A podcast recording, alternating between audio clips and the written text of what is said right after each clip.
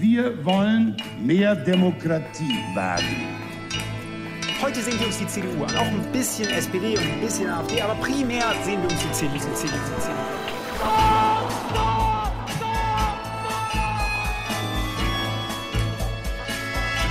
Niemand hat die Absicht, eine Mauer zu errichten. Ich weiß, ich habe heute Morgen in den Spiegel geguckt und dachte, jetzt sind die Hotte Bitch. Werden schon in wenigen Jahren blühende Landschaften, blühende Landschaften geworden sein. Früher waren wir Lametta. Wir haben so vieles geschafft, wir schaffen das. Hjertelig velkommen til Tyskerne portrettspesial med Ingrid Brekke og Kai Schwind.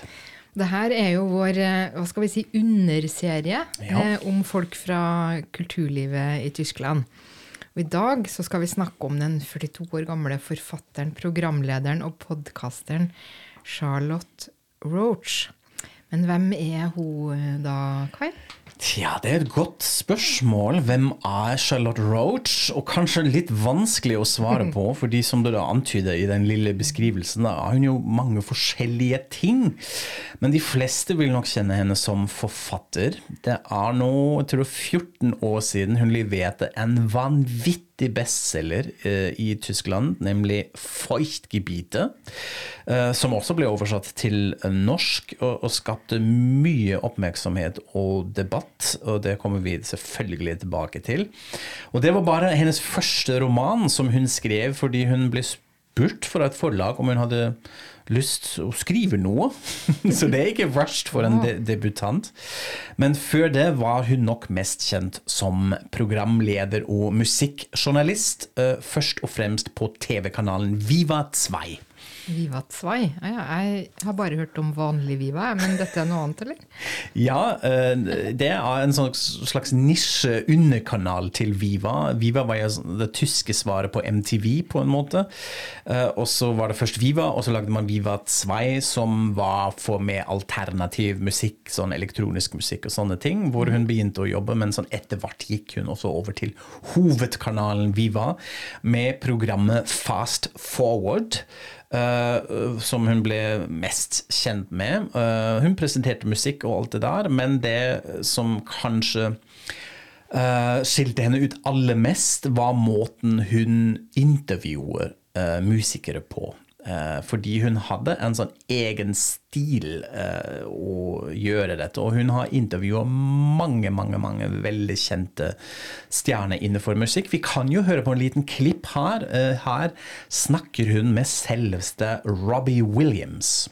Und zurück bei Fast Forward Charlotte Roche and the best living entertainer in the world, Robbie Williams, on my show. Welcome. Well, that's very kind of you. Thank you very much.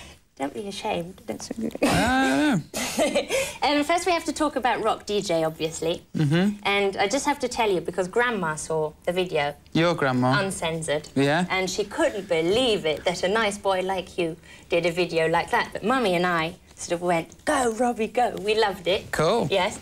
Ja, det må jeg si. Hun snakker jo helt perfekt eh, engelsk. Ja, det gjør hun, og det er nok fordi hun er halv engelsk, i hvert fall. Eh, Faren er tysk. eh, Så har hun en britisk mor, eh, ble født i England, men kom til Tyskland da hun var ett år gammel. Eh, Så hun vokste opp eh, tospråklig, rett og slett. Og det er den engelsken som også mange syntes var sånn flott å høre en programleder som faktisk kunne engelsk. Det er jo ikke det- vår kjernekompetanse i Tyskland. Men så er det noe med den eh, holdningen hennes i intervjuene, at hun er litt sånn liksom naiv, litt flørtende, men ofte da veldig sjarmerende pga. dette. eh, En, en sånn intervjuteknikk som kanskje var veldig 90-tallete. Eh, Det var ikke bare henne som, som prøvde det, men hun, hun var kanskje spesielt flink med det, og fikk da også alle disse litt sånn kyniske, trøtte eller sure kjendiser til å mykne litt opp. Altså Robbie Williams har jo også litt sånn uh, uh, avholdende, men det blir bedre, det blir litt mer fløtende etter hvert. Så det er en sånn viss stil som spesielt unge kvinnelige uh, musikkjournalister prøvde da på 90-tallet, og så fikk de jo det litt nedlatende stempelet girlies av pressen, hovedsakelig, som man eh, omtalte det. Altså Heike Makkac er et annet veldig kjent eh, person i Tyskland, som er også kanskje kjent i Norge fordi hun ble skuespiller etter hvert. Hun er elskerinnen til Alan Rickman i Love Actually. Aha. Mm, hun slemme som, eh, fordi han er utro mot stakkars Emma Thomsen. Men det skal vi ikke snakke om i dag. Vi skal uh, snakke om Charlotte Roach. Men Charlotte Roach var jo ikke egentlig en sånn girlie, eller? Nei, takk at du redda min digresjon. her, veldig bra. Nei, det, det var ikke det, sant? Hun var kanskje altfor polariserende og full av meninger for dette. En veldig sterk personlighet, kan man si. Eh, og sånn har det alltid vært når man eh, tar en titt på CV-en hennes, litt sånn på godt og vondt. Eh, hun har lenge hatt et tett forhold til hennes familie i England. Følte seg også mer britisk enn tysk, som hun sa en gang var britisk statsborger, men i 2018 ble hun tysk statsborger, og dette da mest pga. brexit. Og da sa hun nå er mitt kjærlighetsforhold med Storbritannia over. Nå orker jeg ikke mer, nå skal jeg bli tysk. Um, så det er litt interessant. Det andre som skapte veldig mye oppmerksomhet eh, i samme året, var at hun eh, rett og slett skilte seg fra foreldrene sine i offentligheten. Og dette må man forklare Yes. eh, litt, fordi eh, foreldrene gikk fra hverandre da hun var fem. Veldig liten, eh, men hun fikk med seg dette, selvfølgelig, og opplevde det som svart, traumatiserende, som, som har sagt. Og dette førte til et veldig sånn anstrengt forhold med foreldrene gjennom hele hennes liv. Og hun sier da altså jeg er, jeg er for at foreldrene fortsatt har sitt eget liv, men minnet hadde kanskje litt for mye. De var så egoistiske, og de har skapt så mye problemer for meg selv at jeg nå orker ikke lenger. Nå skal jeg skille meg fra foreldrene mine. Som var et sånn slags terapeutisk tiltak som hun kom frem sammen med terapeuten sin. Da var jo nesten 40 år, da. Ja, ja. Det høres jo litt ut som sånt man driver med i USA. Ja, ja, det høres litt sånn ut, eh, men eh, det var eh, Ja, jeg vet ikke. Kanskje noe som hun trengte, måtte gjøre, og så gjøre det offentlig på den måten. Så forholdet med foreldrene var ikke noe særlig bra. Hun hadde en ganske turbulent oppvekst. Flytta hjemmefra og flytta sammen med, med noen venner da hun var under 18. Uh, Dannet et sånn garasjen-rock-band. eh, og prøvde å bare øh, å få veldig mye oppmerksomhet med ulike sånn stunts og ting, blant annet selvskader hun sa for å kunne da tegne bilder med sin egen blod, Ja. som hun sa. Eh, Og prøvde masse narkotika, eh, selvfølgelig. Barberte seg på hodet fullstendig. Altså var en sånn ordentlig rebell. Eh, Prøvde seg som skuespiller, eh, men ble da altså til slutt oppdaget som programleder for Viva, som vi sa. Og fikk dette programmet som heter Fast Forward, eh, og ble da til en sånn slags aushengeskilt, som vi sier på tysk, altså kanskje en profil til eh, Viva 2. Og representerte også en sånn ny type kvinnelig programleder. Og da slo hun etter hvert veldig an. Fikk eh, mange priser, blir en litt sånn eh, kulturspalte-darling. Mange som elsker henne fordi hun er veldig smart, men har en litt sånn annen tone og en annen litt sånn følelsesbasert måte å være på TV. Så dette fungerte veldig bra. Hun hadde en stor karriere foran seg. Men så skjedde noe utrolig forferdelig eh, som forandret livet hennes fullstendig. Dette var i 2001. Hun skulle gifte seg med kjæresten som hun møtte på Viva, eh, altså en TV-journalist, og de skulle gifte seg i England med familien der. Alt var forberedt. Men så reiste mora hennes med tre brødrene sine i en bil eh, fra Tyskland til Storbritannia og hadde et forferdelig bilulykke på vei i Belgia, på motorveien. En annen en lastebil krasja inn i den bilen, og alle tre brødrene døde. Og mora ble hardt skadet, men overlevde. Ja, det er virkelig ekstremt. Ja, det er helt, Også når man leser om det, når jeg gikk litt tilbake til det og leste om det, det er bare fortsatt helt så utrolig rystende. Bryllupet ble selvfølgelig avlyst, eh, og eh, hun ble eh, dypt traumatisert av dette. Noe som hun har jobbet med og imot og seg gjennom i mange år senere. Eh, en ting som jeg hadde glemt litt, som var også litt så rustende å se, at dette var egentlig begynnelsen av et veldig anstrengt forhold hun hadde mot den tyske tabloidpressen, og da spesielt Bildzeitung. Fordi det var flere journalister som rett etter dette hadde skjedd, pressa henne at hun må nå stille opp i et intervju for Bildzeitung, og hvis hun ikke gjør det, så trodde de med ok, da skal vi ødelegge deg, da skal vi skrive negativt om deg. Så de trua henne i denne situasjonen. I denne traumatiserte fasen fikk hun e-poster, også journalister som oppsøkte henne, og osv. osv. Og hun har gjort alt dette offentlig etter hvert. Hun sa det er sånn metodene til Bildzeitung er. Sånn, sånn funker de, og jeg skal aldri snakke med dere igjen ever. Uh, vi har jo faktisk lagd en egen episode om Bildzeitung, så dere må gjerne gå tilbake til uh, og, og høre på det. Så Charlotte Roach er også et bildoffer uh, her. Men eh, heldigvis gikk det jo bedre etter hvert. Hun kom tilbake på TV, jobbet fortsatt på ulike eh, sånn musikkjournalistiske formater, og så kom jo boka i 2008. 'Feuchtgebiete'. Og det vet du jo en del om, Ingrid, fordi du har også skrevet om det, ikke Ja, sant? for det var jo et sånn sjeldent tilfelle av at en debatt eh, i Tyskland eh, ble så stor, altså en kulturdebatt, at den lakk helt ut i Norge og helt inn i Aftenpostens spalta, faktisk. Så det eh, skrev jeg om. Og dette er jo en, en hva skal man si, Det er jo en veldig eh, annerledes roman, veldig, veldig original roman. eh, som handler om eh, 18 år gamle Helen Memel, heter hun. Og vi møter henne når hun ligger på sykehuset etter å ha fått skader eh, gjennom intimbarbering. Eh, og eh, så handler jo boka utrolig mye om kroppen og alle eh, detaljer, vanskeligheter, problemer en kropp kan gi. Eh, og vi kan jo kanskje høre et lite utdrag eh, fra lydboka. En scene der eh, Helen Memel beskriver faktisk eh, sine hemoroider og hvordan de klør. Mhm. Og det er Charlotte Roach som leser selv. Solange ich denken kann, habe ich Hämorrhoiden. Viele, viele Jahre habe ich gedacht, ich dürfte das keinem sagen, weil Hämorrhoiden doch nur bei Opas wachsen. Ich fand die immer sehr unmädchenhaft, wie oft ich mit denen schon beim Proktologen war. Der hat mir aber empfohlen, die dran zu lassen, solange sie mir keine Schmerzen verursachen. Das taten sie nicht. Sie juckten nur. Dagegen bekam ich von meinem Proktologen Dr. Fiddle eine Zinksalbe. Für das äußere Gejucke drückt man aus der Tube eine haselnussgroße Menge auf den Finger mit dem kürzesten Nagel und verreibt sie auf der Rosette.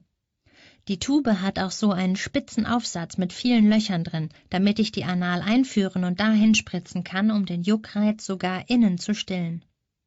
Bevor ich so eine Salbe hatte, habe ich mich im Schlaf so feste mit einem Finger am und im Poloch gekratzt, dass ich am nächsten Morgen einen kronkorkengroßen dunkelbraunen Fleck in der Unterhose hatte.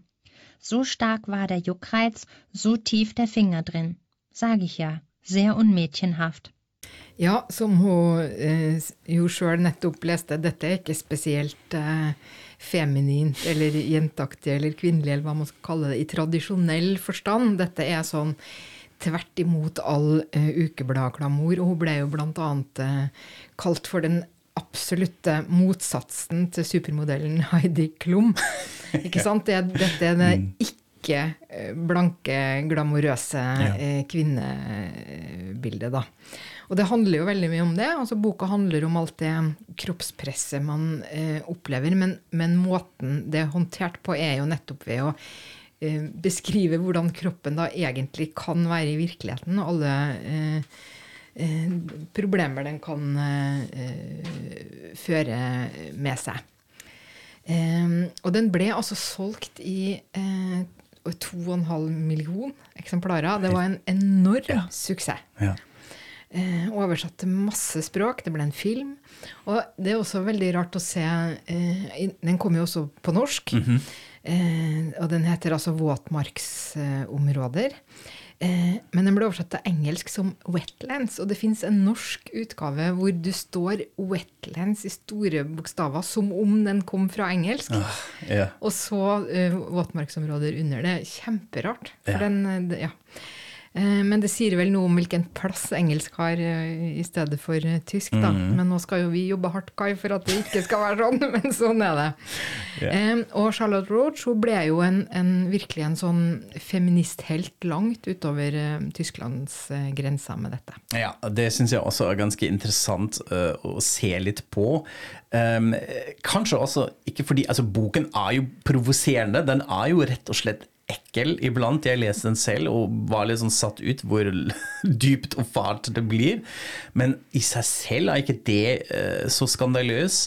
Jeg syns det var mer interessant hvor mye rabalder det blir rundt den eh, debatten. Hun var jo i alle mulige talkshows og fikk selvfølgelig gjennomgang i tabloidpressen. Bildzeitung skrev kjempestygt om henne osv. Så, videre.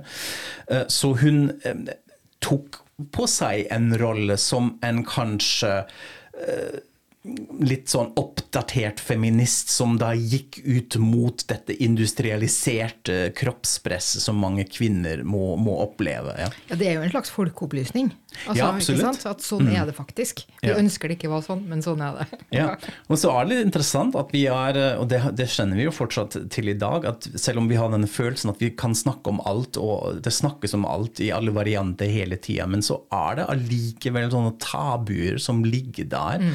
som iblant oppleves litt sånn banalt. At sånn, ok, skal vi virkelig nå snakke om at det er greit at kvinner ikke barberer seg på leggene, på beina?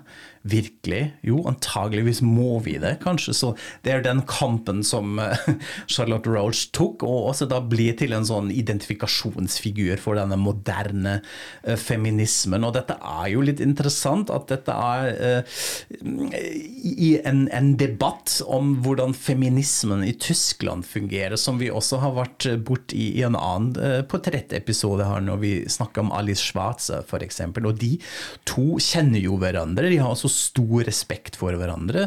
Eh, Charlotte Roach var også på coveret til tidsskriftet Emma til Ali Schwarze osv., og, så videre, og de er egentlig eh, fans av hverandre. Men så ble også Charlotte Roach litt kritisk mot Alice Schwarzer, og kanskje hennes type feminisme. Og da fant jeg en interessant utdrag fra et Spiegel-intervju som Charlotte Roach ga om nettopp det temaet, som jeg tenkte å, å lese her. Du, må da, du ble, ble igjen tvunget til å oversette det på norsk.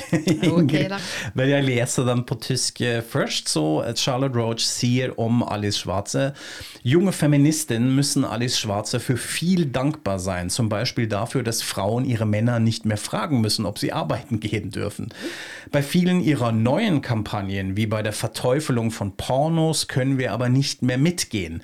Frau Schwarzer möchte Sadomaso-Sex verbieten. Frauen sind aber total masochistisch, das wird sie auch nicht mehr ändern können. Ich habe keine Lust, Frau Schwarzer um Erlaubnis zu fragen, bevor ich im Bett richtig loslege.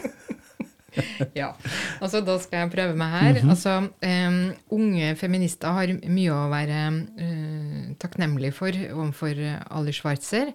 F.eks. at eh, kvinner ikke lenger må spørre uh, sine menn om å få lov til å gå på jobben. Eller Godt få lov poeng, til å ha en jobb. Ja. Mm. Uh, Men eh, når det kommer til flere av de nye kampanjene hun fører, f.eks.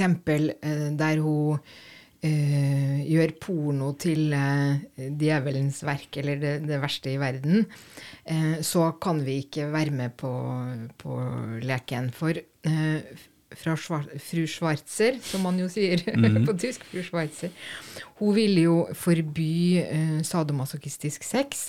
Men kvinner er jo totalt masochister, og det kan vi ikke forandre på eh, nå. Og jeg har ikke noe lyst til at fru Schwarzer eh, At jeg må spørre fru Schwarzer om tillatelse før jeg slår meg løs i senga, sier hun. ja.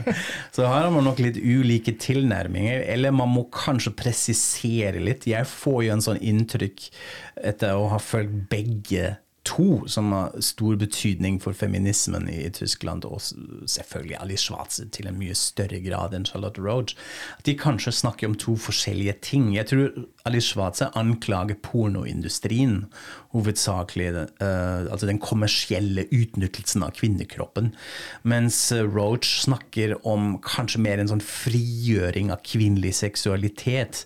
At kvinnelig seksualitet er mye mer nyansert enn det vi har snakket om i, i samfunnet før. Og at hun da stiller seg med mot en sånn dogmatisk moralisme. Jeg tror det er det som er poenget her. Ja, det tror jeg du har rett i. Og så tror jeg også det, det er noe å tenke på at dette ikke, det er jo ikke kanskje bare en sånn generasjonskonflikt, der Schwartzer er mye eldre enn Roach. Men dette er synspunkter som også går litt sånn tvers gjennom kvinnebevegelsen, og som feminister er uenige med hverandre i. Og at det handler kanskje mer om sånn hva man syns er viktigst. Ja. Altså hva skal Mm. komme først. Ja, ikke sant. Ja. Det er helt riktig. Men ble det noe mer TV, da? For eh, Charlotte Roach Det ble mye mer TV, mange formater, alt mulig. Men hun er jo, som dere kanskje har fått eh, inntrykk av nå, en person som polariserer, også da bak kulissene. Blant annet var hun vært i det prestisjefulle talkshowet Drei nach Neun av eh, Radio Bremen, med eh, Giovanni Di Lorenzo, som vi også har snakket om før, en høyprofilert journalist som medvert. Men hun fikk sparken bare etter ett år på showet, eh, og det skyldes antageligvis flere veldig konservative medlemmer i Kringkastingsrådet, som ikke var så stor fan av henne. Hun har ikke sånn snakket veldig åpen eh, om dette her, som hun pleier å gjøre, så det var litt rart, men det var antageligvis noe som ikke fungerte noe særlig der. Og i eh, 2012 hadde hun et eh, talkshow med Jan Bøhmermann, eh, som vi liker jo veldig godt her, som jeg syns var kjempekult. Det var virkelig en av mine favoritt-talkshows, fordi de prøvde å etterligne denne 70-talls talkshow-stilen som vi også har snakket om før her eh, i podkasten. Altså at alle sitter rundt et bord, det er masse røyking, man kan drikke alkohol, og så snakker man med hverandre. Og det gjorde de. Mye røyking og alt det der. Og så hadde, eh, var det en sånn veldig kul estetikk. De hadde veldig sånn kule møbler. Det var filmet nesten litt sånn cinematisk. Um, veldig kul kameraføring og sånn. Og så hadde de en fantastisk introlåt til det showet som jeg bare har lyst til å vise litt av her, så vi hører litt på den.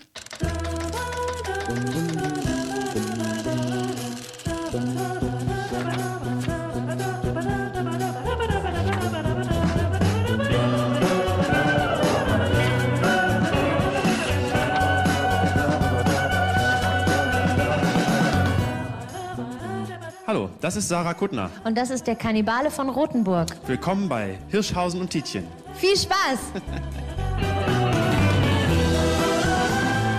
Ja, det var introlåten til talkshow med Charlotte Roach og Jan Bøhmemann. Dessverre ble det krangling da òg.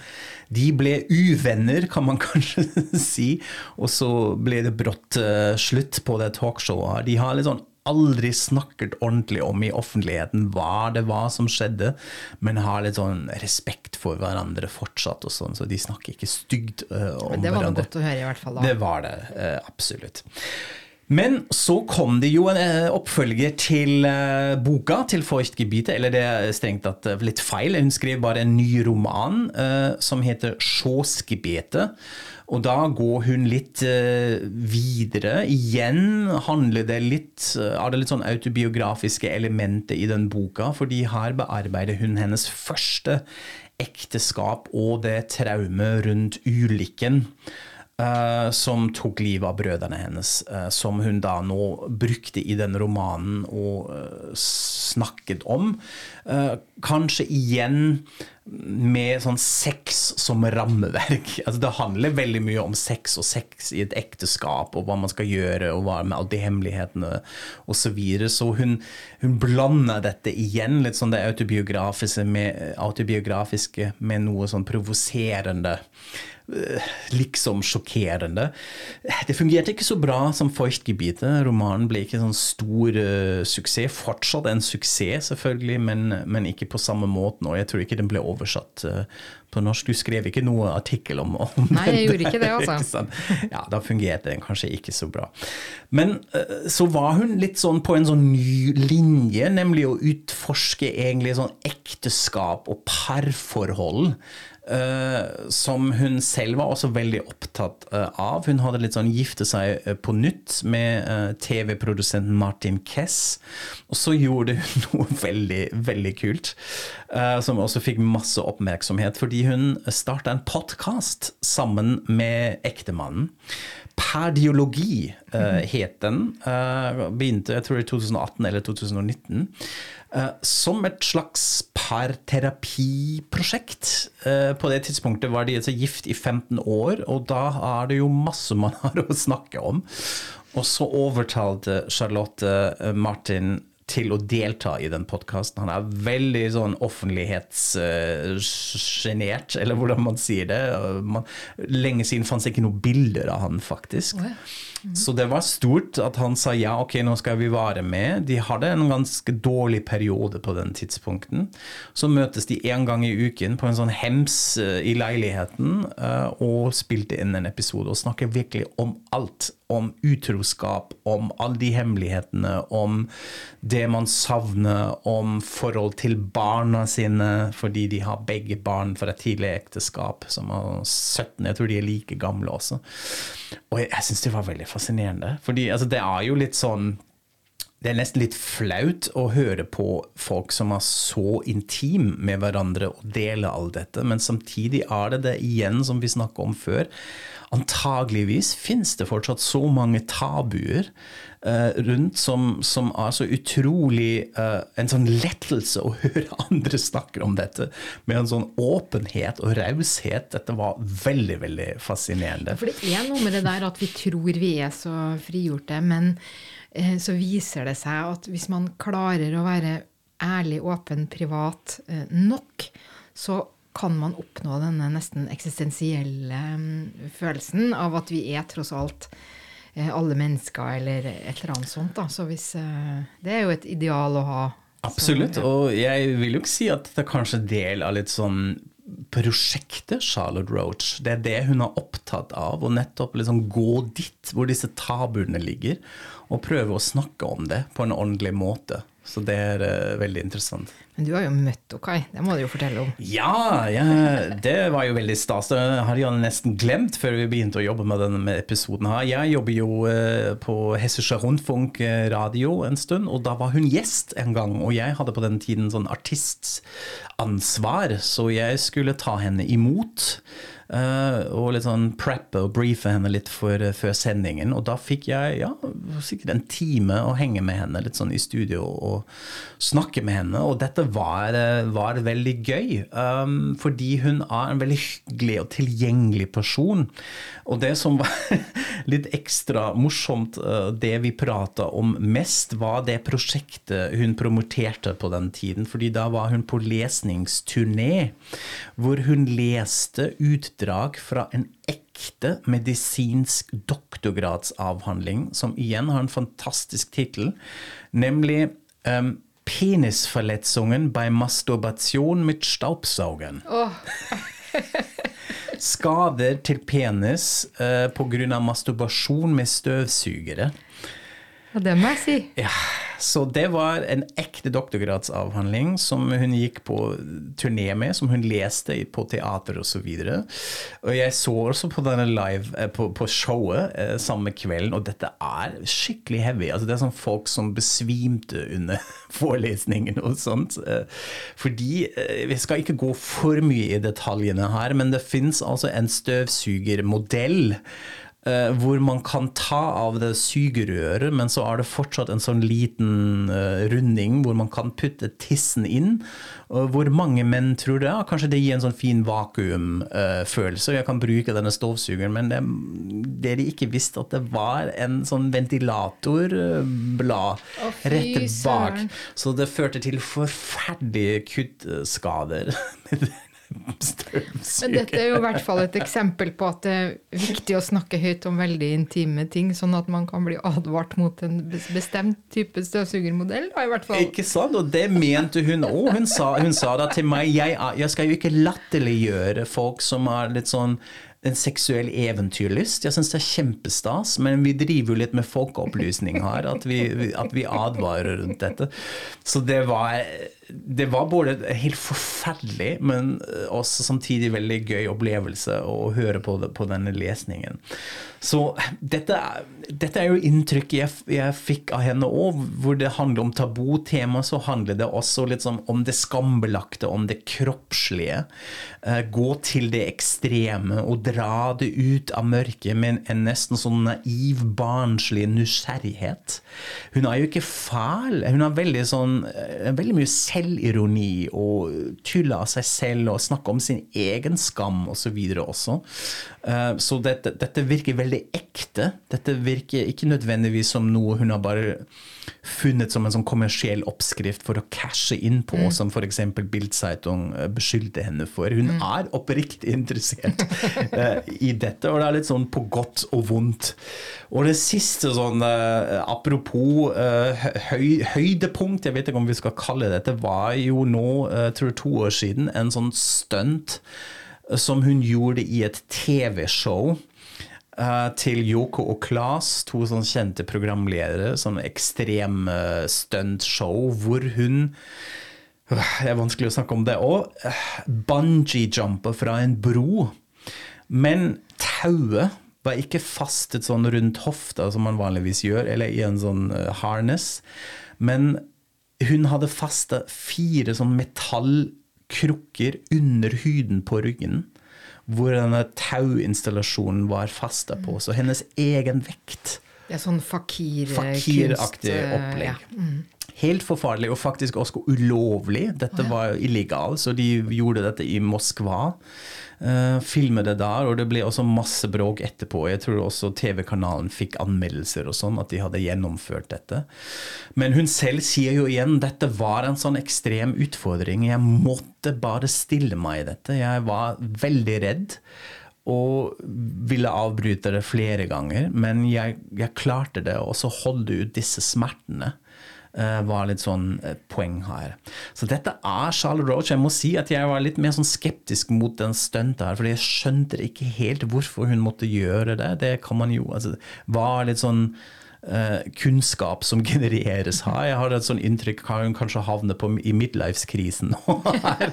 Eh, hva er dette? Så jeg vet ikke om jeg er en sånn fan av den Charlotten, men i det siste har hun da også begynt å uttale seg litt mer politisk, som er litt interessant. Engasjere seg veldig for miljø, bevegelse, snakke mye om bærekraft osv. Og, så og i 2019 ble hun faktisk medlem i De Grønne. Så det kan jo være litt interessant hvis man har Charlotte Roach som uh, valgkamphjelper da, nå for Anna-Lena Bebok. Vi får se. Men det føltes som et eh, normalt og avslappende sted å avslutte dette. Så da sier vi bare takk for oss. Følg oss på Facebook og Instagram. Støtt oss på Patron. Og auf Wiederhören. Auf Wiederhören.